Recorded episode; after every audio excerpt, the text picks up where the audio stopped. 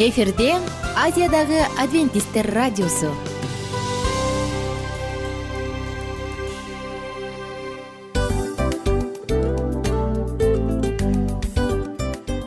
Достор салют.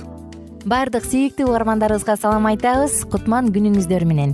Ден соолук өмүрдүн булагы демекчи саламат саамы программасында баарыңыздарды көргөнүбүзгө абдан кубанычтабыз. Анда алгач амандашып өтөлү арбаңыздар деп. Ден соолугуңуздар кандай элибизде көбүнчө ден соолук кандай дегенде эле жакшы деп жооп беребиз э? ооруп турсак дагы жакшы дейбиз. Анан мен муну айтып ойлойт элем бул абдан сонун сөз депчи анткени бул жакшы деген үмүт да э ооба баары жакшы болот. Баары сонун. Деп үмүттөнүп атып эле өзүбүздү өзүбүз дарылап коебуз. Анысы кандай сиздин дагы ден соолугуңуз жакшы беш деген үмүттөбүз чындыгында ден соолук бул өмүрдүн булагы деп бекеринен айтылган эмес деп ойлойм. Кыргыз элинде анткени эгерде ден соолук жок болсо анда адамдын жашоосунда калган баардык керектүү маңыздуу нерселер өзүнүн баалуулугун жоготуп коет. Ошондуктан ден соолук бул эң керектүү нерсе. Ооба туура айтасың кесиптешим. Чынында ден соолугуң жок бир эки үч күн ооруп калсаң эле э кандай болуп калат? Жашоодо көз каранды болуп каласың көп нерсеге жетишпей каласың көп нерсени кыла албай каласың жада калса эшикке дүкөнгө да чыга албай каласың. Туптуура анан ден соолук болсо демек биз биздин бактыбыз тотой деп койсок болот. Анда достор саламат саамы рубрикабызды баштайлы. Алдыда өзүңүзгө керектүү болгон сонун кеңештерди уга аласыздар. Мына ошондуктан биз менен бирге болуңуздар. Ал эми биз болсо милан жана айнура. Кеттик алга. Алга саламат саама ден соолуктун жарчысы. Саламат саама ден соолуктун ачкычы. Күн сайын сиз үчүн мыкты кеңештер сонун жаңылыктар кызыктуу фактылар биздин рубрикада.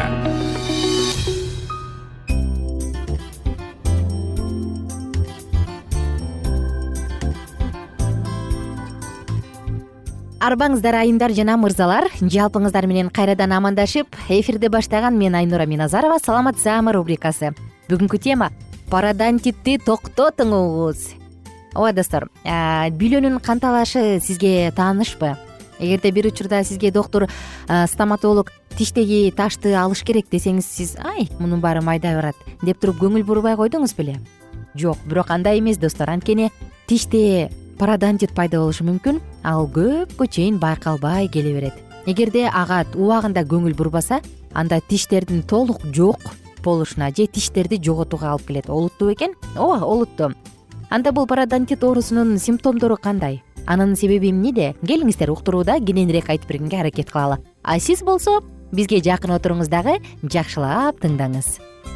Парадонтит тиштердин таяныч аппаратынын сезгениши эң эле айлакер жана кеңири таркалган стоматологиялык оорулардын бири. Ал акырындык менен күчөйт. Ошондуктан алгач оорутпайт жана дискомфорт да пайда кылбайт кийин тиштин таяныч аппаратынын сөөк жана жумшак ткандарын таптакыр жегенден кийин гана парадонтит адамды стоматологко кайрылууга мажбур кылат. Эмесе парадонтит эмнеден улам пайда болот? Эң эле кеңири таркалышынын себеби төмөнкү жагдайларда. Биринчи ооз көңдөйүнө туура эмес же туруктуу кам кірбөгөндүк тишти толугу менен же араларын каптап калган сары тактар биз ойлогондой коопсуз эмес жумшак болуп башында оңой эле кеткен мындай саргаюу акырындык менен өрчүү процессин баштайт. Натыйжада саргаюунун минерализациясы болот дагы ал катуу тиш ташына трансформация болот. Ооз көңдөйүнө күнүгө керектүү түрдө кам кірбөгөндө же тиш щеткасын тиш пастасын чайкоочу каражаттарды туура эмес тандагандарда көбүнчө ушундай көйгөй кездешет. Экинчи жагдай. Бүйлөлөргө кандын жетишсиз келүүсү кызыгы парадонтит чылым чеккен адамдардын арасында кеңири кездешкен оорулардын тизмесинде эмне үчүн? Анткени тамекинин курамындагы элементтер ооз көңдөйүнүн былжыр катмарындагы кан тамырларды ичкертип аларды алсыз кылат а бул болсо өз кезегинде бүйлөлөрдүн тканын жана тиштердин таяныч аппаратын кан менен аз камсыздайт.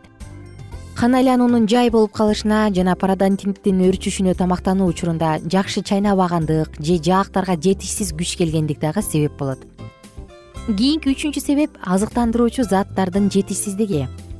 Рациондо жаңы жашылчалардын жемиштердин жашыл чөп чарлардын жетишсиздиги балыктын эттин жана кычкыл сүт азыктарынын көптүгү бүйлөлөрдө керектүү заттардын жетишсиздигине алып келет.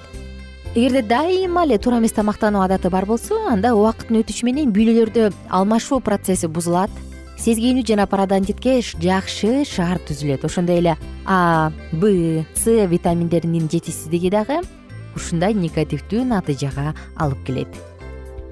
Анда парадонтит кантип байкалат деги эле анын симптомдору кандай жана кантип күчөйт? Келиңиздер бул суроого жоопту бирге карайлы биринчи стадия гингивит.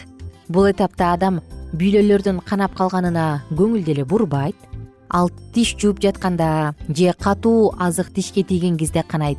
Тагыраак айтканда бүйлөлөр механикалык түрдө дүүлүгүп калганда. Оорулуу адамдын оюнда баягы бүйлө бир аз канталап калса кадимки эле көрүнүш көрүнөт. Мүмкүн ал тиш щеткасын катуураак басып койду же нандын күкүмү менен бүйлөнү тытып алды. Тынчсызданууга себеп жок. Бирок эгер ал эпизоддук эле учур эмес а күнүгө кайталана турган симптом болсо сөзсүз стоматологко кайрылыш керек парадонтиттин экинчи симптому оорулууга гана байкалбайт. Ооздон чыккан жагымсыз жытты тиш щеткасы жана паста менен кетирүүгө мүмкүн эмес. Андан сырткары бүйлөлөрдө да өзгөрүүлөр пайда болот. Алар чымыр болбой бир аз көп боош болуп калат. Тиш узун көрүнөт. Мунун себеби эт качып калат. Экинчи стадиядагы парадонтитте тиштердин аралыгы алыстайт ал эми каноо күчөйт. Ал эмес тамактануу учурунда дагы ооздон металлдын спецификалык даамы кандын даамы сезилип турат. Парадонтиттин үчүнчү стадиясында тиштер температурага даамга өзгөчө сезимтал болуп калат. Өзгөчө таттуу жана ачуу тамактарга катуу реакция кылат. Эт качып бүйлө тартылган сайын тиштердин тамыры көрүнө баштайт. Бүйлөнүн канап көнүмүш болуп калгандан тышкары ириң бөлүнүп чыга баштайт. Ошондон улам ооздон чыккан жыт күчөйт.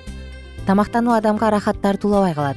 Тиштер бошоп бүйлө шишип тамак чайноо кыйынчылык туудурат кээде организм парадонтитке глобалдуу симптомдорду берет. Демек дене табы көтөрүлөт абалы начарлайт. Эми болсо парадонтитти кантип айыктаса болот? Эч кандай кыйынчылык жок. Биринчи эле кезекте тишти профессионалдуу түрдө тазалаш керек. Бул процедура физикалык жолдо кылып жаткан саргаюудан жана таштардан тазалайт. Профессионалдуу тазаланып тиштер тактардан айрылгандан кийин бүйлө сезгенип канталоосунан арыла элек болот эми антисептикалык каражаттарды пайдаланыш керек. Себеби сезгенүү жана инфекциялык процесстер башка ткандарга таркабашы зарыл. Парадонтит күчөп сезгенүү сөөк ткандарына таркап кеткенде хирургиялык кийлигишүү керек болот. Мындай манипуляцияда бүйлөнүн кичине бөлүгү кесилет гингивектомия деп аталат. Парадонталдык каналдардагы дары суюктуктар менен жуулат таштар алынат. Кээде мындай операция учурунда сөөк ткандары имплантация болуп алмаштырылат же тиштердин таянач аппараттарын калыпка келтириш үчүн жасалма же коллагендик мембрандар дагы салынат. Бирок саргаюудан туруктуу тазалабай оозду бактериялардан коргомоюнча парадонтитти толук айыктыруу мүмкүн эмес. Ошол эле учурда тиш жипчелерин ооз чайкоочу суюктуктарды туура тандап күнүнө эки маал гигиеналык процедураларды жасап турса эртерээк калыбына келет ошентсе да достор парадонтит канчалык жагымсыз жана коркунучтуу болбосун оңой эле эрежелерди сактап тиштерди жана бүйлөлөрдү андан коргосо болот. Кандай гана болбосун жылына эки жолу стоматологко барып туруңуз. Жакшы специалист парадонтитти баштапкы этапта эле байкайт. Достор эмне дейбиз? Эгерде сиз өзүңүздүн ооз көңдөйүңүздүн гигиенасын жүз пайыз сактайм десеңиз анда эртең менен кечкисин тишти жууңуз атайын тиш жипчелерин пайдаланыңыз ооз чайкоочу суюктуктарды көбүрөөк колдонуп күнүнө жок дегенде бир жолу жууп туруңуз. Бүйлөлөрдү атайы шире же болбосо атайы каражаттар менен сыйпап майлап туруңуз. А биз болсо ар бир угарманыбызга кааларыбыз бекем тиш жагымдуу ооз көңдөйү жана сонун гигиена. Жалпыңыздар менен кийинки уктуруудан үн алышабыз. Кааларыбыз оорубаңыздар ден соолук адамдын байлыгы. Мына ошондуктан ден соолукта болуңуз. Кайрадан жалпыңыздар менен салам деп саламдашканча. Саламат саама ден соолуктун жарчысы. Саламат саама ден соолуктун ачкычы. Күн сайын сиз үчүн мыкты кеңештер сонун жаңылыктар кызыктуу фактылар биздин рубрикада.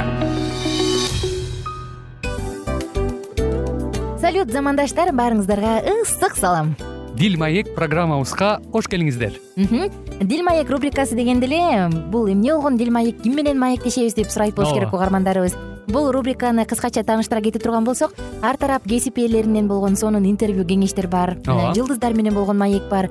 Аталарыбыздын агаларыбыздын чоң аталарыбыздан сонун кеңештер бар. Ошондой эле эже сиңдилердин кеңештери бар айтор. Баардык кызыктардын баары алдыда. Негизи эле адам баласы бир кимдир бирөөнө ишенип сырын ачкысы келет эмеспи э мындай баарлашууга жакын келебиз го? Албетте.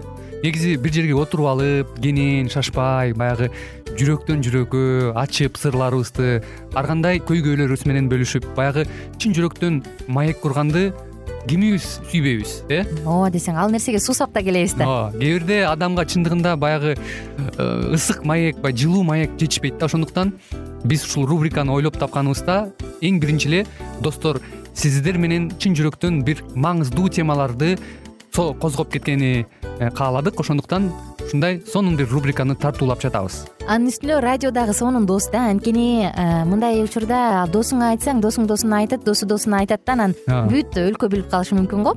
А радио болсо сени сатпаган сенин айыбыңды ачпаган сенин сырыңды эч кимге айтпаган сонун дос мына ошондуктан биздин алдыдагы айта турган кеңештерибизди биздин досторубуздун кеңештерин угуп анан ал жака пикириңизди дагы калтырып кайрадан биз менен байланышсаңыздар болот. Деги эле жашооңузга эгерде кичине болсо дагы өзгөрүү алып моралдык жактан нравовалык жактан сонун бир кеңештерди алсаңыз демек биз максатыбызга жеттик. Ооба.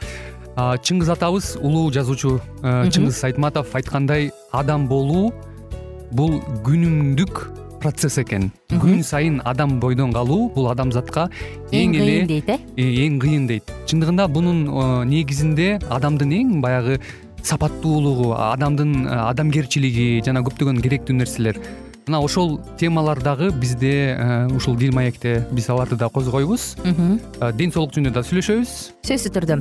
Анан милан мырза негизи айтып коюшат го биз көбүнчө эмнени ойлонсок? Ошол нерсеге карата иш кылабыз го. Ооба. Анан анысыкандай балким бул радио баракчада кимдир бирөөнүн оюн текшергенге жардам берет кимдир бирөөнүн жүрөгүн текшергенге жардам берет. Балким кимдир бирөөгө жашоонун маңызын тапканга жардам берер. Айтор кызыктын баары алдыда бул жөн гана кыскача жарнама анда угармандарыбыздын баардыгын кийинки рубрикабызга чакырабыз. Ал эми кызматта маңдайымда отурган кесиптешим милан жана мен айнура. Анда эмесе биз даярдаган терең терең ойлор менен таанышууга кеттик. Алыс алыс баралык анда эмесе достор биз менен бирге болуңуздар. Алдыда эң кызыктуу маалыматтардын баардыгы бир нече мүнөттөр бою жалгыз гана сизге арналат мына ошондуктан жакшы маанай менен угууну каалайбыз. Үн алышканча жөнөдүк.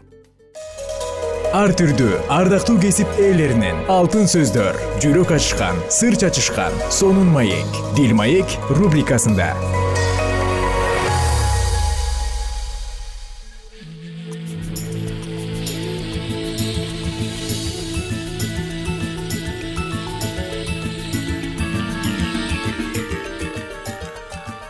саламатсыңарбы урматтуу радио угуучуларыбыз кайрадан эле сиздердин назарыңыздарда бактылуу никенин баалуу эрежелери аттуу программабызды баштайбыз микрофондо кызматыңыздарда аты жөнүм мен улан жана ошондой эле кесиптешим асель. Биз сиздер менен биргеликте болмокчубуз. Андыктан биздин одон алыстабай биз менен биргеликте болуңуздар. Бүгүнкү программабыздын чыгарылышында кайрадан эле биз өткөн берүүбүздө кеп кылып өткөндөй эле никелик жашоодогу жубайларга карата айтылган бир нече кеңештерибиз туурасында маегибизди кайрадан улантабыз. Андыктан биздин одон алыстабай дал ушул мүнөттөрдө биз менен биргеликте болуңуздар биз өткөнкү берүүлөрдө жолдошуңуз сизге оройлук кылып көңүлүңүздү оорутуп койсо кандай кылуу керек экендиги сунуштаганбыз. Бүгүн ушул боюнча сүйлөшмөкчүбүз. Албетте мындай учурда ачууланып чоң жаңжал чыгаргың келет. Бирок бул жолдошуңду андан бетер кыжырдантат.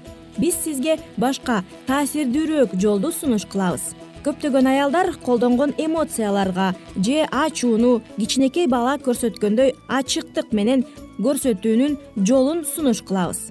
Өтө көп сүйүү менен эрке болуп калган кичинекей балдардын өзгөчө кыздардын кылык жооруктарын байкаңыз. Алар таарынганда ачуусун кантип чыгарышат? Кичинекей кыз буту менен жерди тээп тармал чачтарын силкип жана оозун чүйрүп ал эми чоң киши муну карап туруп күлгөндөн башка айла таппайт. Биз бул кичинекей жанды кучагыбызга алып аны коргоп жана ага кам көргүбүз келип кетет. Эгер аялда өзүнүн ачуусун каардуу аялдай эмес бирок баладай ачыктык менен көрсөтсө күйөөсү ага кичинекей эркек кызга карата аяр мамиле кылгандай мамиле кыла баштайт мындай кылсаңыз жолдошуңуздан каардуу жооп укпайсыз. Бирок ал сизди өзүн коргой албаган кичинекей кыздай көрүп сизди түшүнгөнгө аракет кылат.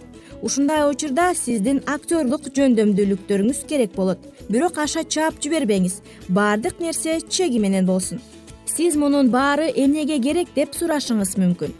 Бул ар кандай тынчты алган сезимдердин бошонуу үчүн.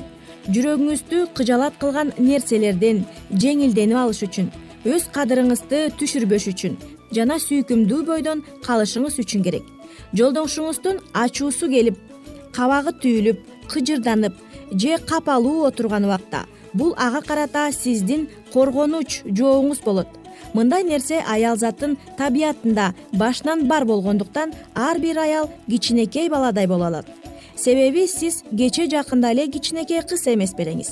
Жана мүнөзүңүздөгү мындай нерселер сиз үчүн кадимки көрүнүш болчу. Андан тышкары балалык ачыктык аялды жалындуу жана ысык кылып көрсөтөт. Ал эми бул дайыма эркектерди тартып турат. Сиздин жолдошуңуз дагы алардын катарында. Бирок мындай ыкма ортоңку уруштарды гана чечкенге ылайыктуу ал эми жолдошуңуздун ойноштук кылганы чыккынчылык кылганы үй бүлөнүн баккысы келбегени ар кандай зордук зомбулук көрсөткөнү жана башка ушул сыяктуу көйгөйлөрдү тиешелүү түрдө чечүү керек. Мындан тышкары өзүңүздү байкап көрүңүз. Балким сиз жолдошуңузду тоготпой аны үй бүлөнүн башчы катары эсептебей кемсинтип эркектик намысына тийгенсиз же аз көңүл бөлгөндүрсүз балким сиз бул айтылган кеңештерди колдонуп көрөсүз. Ким билет? Балким жолдошуңуз сизди көрүп өзү да өзгөрүлүп баштайт. Эгер сиздин жолдошуңуз сизге жана балдарыңызга психологиялык жана денелик жактан олуттуу коркунуч туудурса андай учурда балдарыңызды алып андан алыс кеткениңиз жакшы. Эркектердин муктаждыгы жөнүндө айтып кеттик. Булар менен макул болосузбу же жокпу бул сиздин ишиңиз. Бирок дагы бир айта кетчү нерсе баардык нерседе аша чаап кетпеңиз. Жолдошуңузду табынуучу буркан кылып өзүңүздү кул кылып албаңыз. Жолдошуңуз менен көп эле алек болуп өзүңүздү унутпашыңыз керек. Албетте ага мээрим камкордук жылуулук түшүнүк жана сый керек. Буларды ал жубайынан күткөнгө укуктуу анын табигый сапаттары менен суктаныңыз сүйүңүз жана ал кандай болсо дагы ошондой кабыл алыңыз бирок сиз дагы ушундай мамилеге муктаж эмессизби жогоруда айтылган баардык кеңештерди сөзсүз түрдө айымдар дагы жана ошондой эле мырзалар дагы бул нерселерди эске алуу менен биргеликте өзүңүздүн никелик жашооңузду бекемдегенге эң жакшы шарттарды түзө билген болот экенсиз андыктан бүгүнкү айтылган баардык кеңештер сиздин жашооңуздарда орундалсын деген тилек менен маегибизди кайрадан уланта беребиз. Ал эми алдыда болсо биз азыр эркек менен аялдардын ортосундагы айырмачылыктар туурасында дагы сөз кылып өтсөк. Эркек менен аял албетте бири бирлеринен айырмаланып турган жандар болгондуктан өтө эле айырмачылыктар чоң экендиги баардыгыбызга белгилүү. Таптакыр эки башка жан болгондуктан бири бирлерине карата болгон таарынычтарды жана бири бирибизге карата болгон жемелерди үй үйдөн тажабайбыз. Биз ушул маанилүү чындыктарды кээ бир учурда унутуп койгондуктан бири бирибизге ачууланып үй бүлөлүк шартта көңүлүбүз чөгүп калган да учурлар болот. Себеби аялдар эркектерден болгон өзүнө мүнөздүү жүрүм турумду эркектерден дагы талап кылгылары келет экен. Качан эркек жана аял өзүлөрүнүн ортосундагы айырмачылыктарды эстеринен чыгарбай жана урматтоо менен мамиле кылганда алардын сүйүүсү албетте кооз роза гүлдөрү сыяктуу ачыла баштаары дагы шексиз. Жогоруда биз эркектердин жашоосунда толуктук берип турган үч негизги моралдык муктаждыктар жөнүндө көрдүк. Алар канчалык жогору натыйжаларга жетишсе ошончолук өздөрүн жакшы сезишет. Бир гана ийгилик аларга толуктукту жана өзүнүн ордун тапканга жардам берет баардык эркектер өздөрүнүн супермен деп эсептешет. Эгер бир нерсе буларга дал келбесе өздөрүн тез эле жолу жок деп эсептеп калышат. Алардын кызыгуусу адамдарга же алардын оюна эмес бир нерселерге буюмдарга багытталган. Алар жаңылыктарга аба ырайына спортко кызыгышат. Ал эми өзүнө өзү жардам берүү деген сыяктуу сүйүү романдары алар үчүн болбогон нерселер биздин убакта да кыздар сүйүү жөнүндө кыялданып жүргөн убакта. Эркектердин ою тез ылдамдык менен иштеген компьютерлерге техникалык жаңы нерселер жана автомашиналар менен алек. Аларга өз бийиктиктерин көрсөтүш үчүн кандайдыр бир натыйжаларга жана ийгиликтерге жеткенге буюмдар көбүрөөк маанилүү. Ийгиликке жетүү эркектерге өтө маанилүү бул алардын маанилүү экендигин далилдеп аларга моралдык канааттанууну алып келет. Бирок алар бул сезимди белгилүү бир ийгиликтерге эч кимдин жардамысыз өз күчү менен жеткенде гана сезишет. Кадырман радио каармандарыбыз ушуну менен бизге бөлүнгөн убактыбыз дагы өз соңуна келип жетти. Эмки берүүбүздөн кайрадан эле дал ушул программадан кезишкенче аман болуңуздар ар түрдүү ардактуу кесип ээлеринен алтын сөздөр жүрөк ачышкан сыр чачышкан сонун маек дил маек рубрикасында.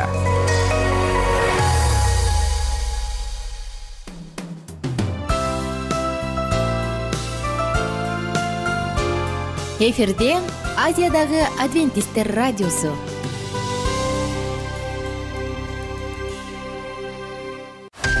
жан дүйнөңдү байыткан жүрөгүңдү азыктанткан жашооңо маңыз тартуулаган жан азык рубрикасы.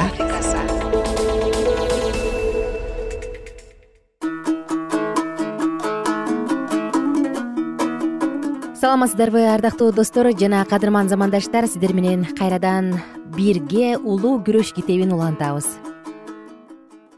Адилетсиз адамдар кудайдын жана өз жакындарынын алдында күнөө кылгандыгы үчүн кейип жатышкан жок. Тескерисинче кудайдын жеңишке жетишкендигин көрүшүп кейип жатышат. Алар өз кылган адилетсиз иштери үчүн тобо келтирбестен өз кылган күнөөлөрү үчүн жаза ала тургандыгын билишип коркушууда. Эгерде мүмкүн боло турган болсо алар жеңишке жетишүү үчүн колунан келгендин бардыгын жасашмак. Эми гана дүйнөдөгү адамдар өздөрү жер үстүнөн жок кылып салууну каалашып мыскылдап шылдың кылган адамдар гана жугуштуу оорулардан бороондордон жана жер титирөөдөн аман калгандарын өз көздөрү менен көрүштү. Жана өз мыйзамдарын бузган адамдар үчүн жалмап кетүүчү от болгондун өзү өз эли үчүн коопсуз коргон болуп турат. Адамдарга жагынуу максатында чындыкты курмандыкка чалган дин кызматчыларга эми гана алардын окутуусунун мааниси ачылып берилген жана ал кафедрада турганда көчөдө бара жатканда адамдар менен баарлашканда баарын көрүп туруучу көз анын кылган бардык иштерин көрүп турган. Эми ушунун бардыгы айкене болду. Адамдарды адашууга алып барган анын ар бир сезими ар бир жазган жазуулары ар бир айтылган сөз жана кылынган иштери себилген үрөөн болуп турган. Эми болсо аны курчаган өлө турган адамдардан ал өзүнүн бышып калган жемиштерин көрүүдө теңир мындай дейт. Жана менин элимдин кызынын жараатын тынчтык тынчтык деп алаңгазарлык менен даарылап жатышат ал эми тынчтык жок. Мен кайгыга салууну каалабаган адилеттүүнүн жүрөгүн жалгандык менен убайымга салганыңар үчүн мыйзамсыз киши өз бузуку жолунан бурулбасын өз өмүрүн сактабасын үчүн анын колдорун таяп тургансыңар.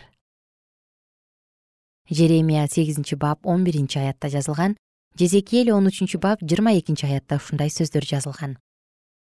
Мен жайытымдын койлорун кыйраткан жана таратып таштаган кайтаруучуга кайгы. Мына ушул кыянат ишиңер үчүн мен силерди жазалайм. Боздогула кайтаруучулар катуу онтогула үйүр башындагылар. Башыңарга гүл төккүлө союла турган чачыла турган күнүңөр келди. Кырыласыңар.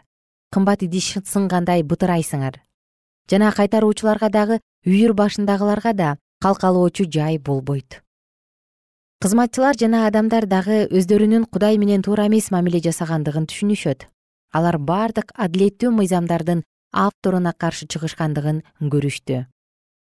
Кудайдын жазууларын алып таштагандык бардык жамандыкка ажырашууга көрө албастыкка мыйзамсыздыкка жана жер үстү оор эргишкен бузукулуктун туңгуюгуна айланганча жамандыкка өз жолун ачып берген. Жана бардык чындыктан баш тартып жалгандыктын жолун тандап алгандар ушунун бардыгын өз көздөрү менен көрүшөт. Адилетсиздер баштарынан өткөрө турган кулбул кайгыны айтып жеткирүү үчүн тил алсыздык кылат жана алар үчүн түбөлүктүү өмүр биротоло жоготулган. Бал тилдүүлүгүнө суктанышып бүт дүйнө алдына табынган адамдын чыныгы сапатын эми бардыгы чындыгында кандай экендигин көрүп турушту. Алар өз кылмышынын айынан эмнеден куру калгандыгын түшүнүштү. Жана алар башта шылдыңдап жана кордошкон касиеттүү адамдардын бут алдыларына жыгылышып озондоп жатышты.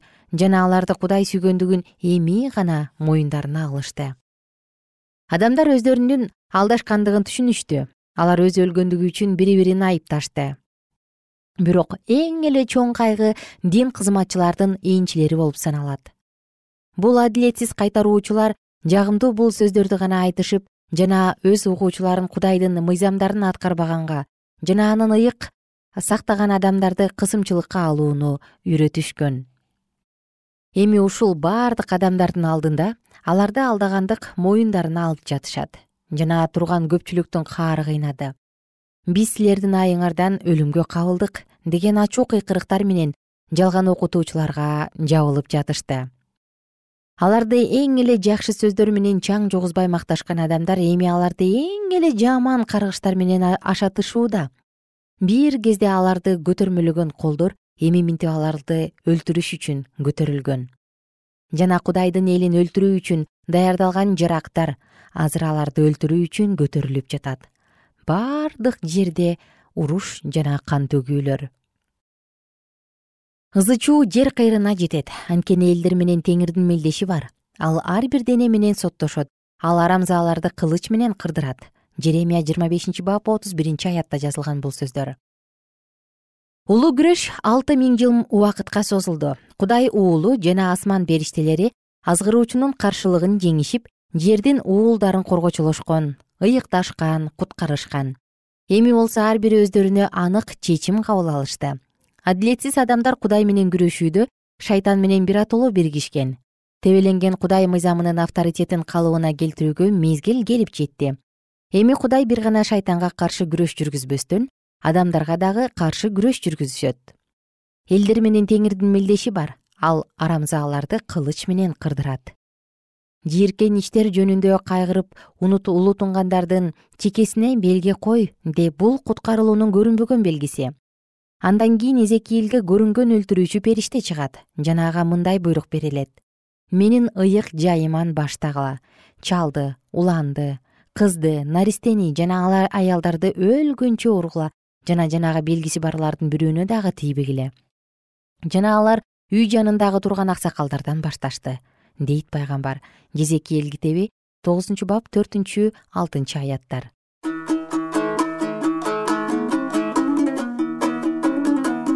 Достор окуябызды дал ушул жерден токтотобуз. Жана сиздер менен кийинки уктуруубузда окуябызды андан ары улантып эмне болот экендигин жана эмне боло тургандыгы жөнүндө сөз кылабыз. Жалпыңыздарга кааларым ийгиликтүү иш күн бар болуңуздар аман болуңуздар кайрадан амандашканча жаратканым сиздерди өз ырайымынын алдында сактасын. Кабарлашканча кайрадан.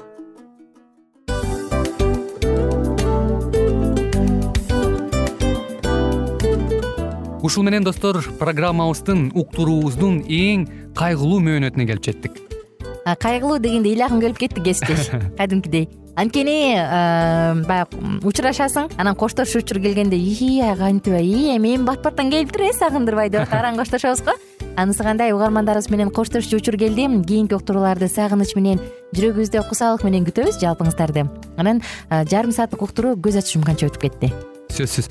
Бирок бизде жакшы кабар бар. Кийинки уктурууларыбызда сөзсүз дагы кезигишебиз. Анткени биз көптөгөн сюрприздерди кызыктуу маалыматтарды жана керектүү керектүү нерселердин көпүнчөсүн даярдадык. Андай угармандарыбыздын баардыгына ийгиликтүү күн каалайбыз. Эгерде бүгүнкү күнүңүз өзгөчө э, өтүшүн кааласаңыз анда позитивдүү ой жүгүртүп жылмайып жакындарыңызга жакшы маанай тартуулап жүрө бериңиз. Анткени сөзсүз түрдө мунун арты кайтат э? Сөзсүз. Баягы ден соолугуң оңолот ал бул деп көп нерсени санап келебиз. Эң негизгиси бул сиздин жашооңузду жаркын кыла түшөт экен. Жараткан кудай ар бирөөңүздөргө батасын берсин жашооңуз ийгиликтүү болсун сак саламатта калыңыздар деп мен милан жана кесиптешим айнура. Баардыгыңыздар менен кийинки уктурууда үн алышканча. Баарыңыздарга ийгилик каалайбыз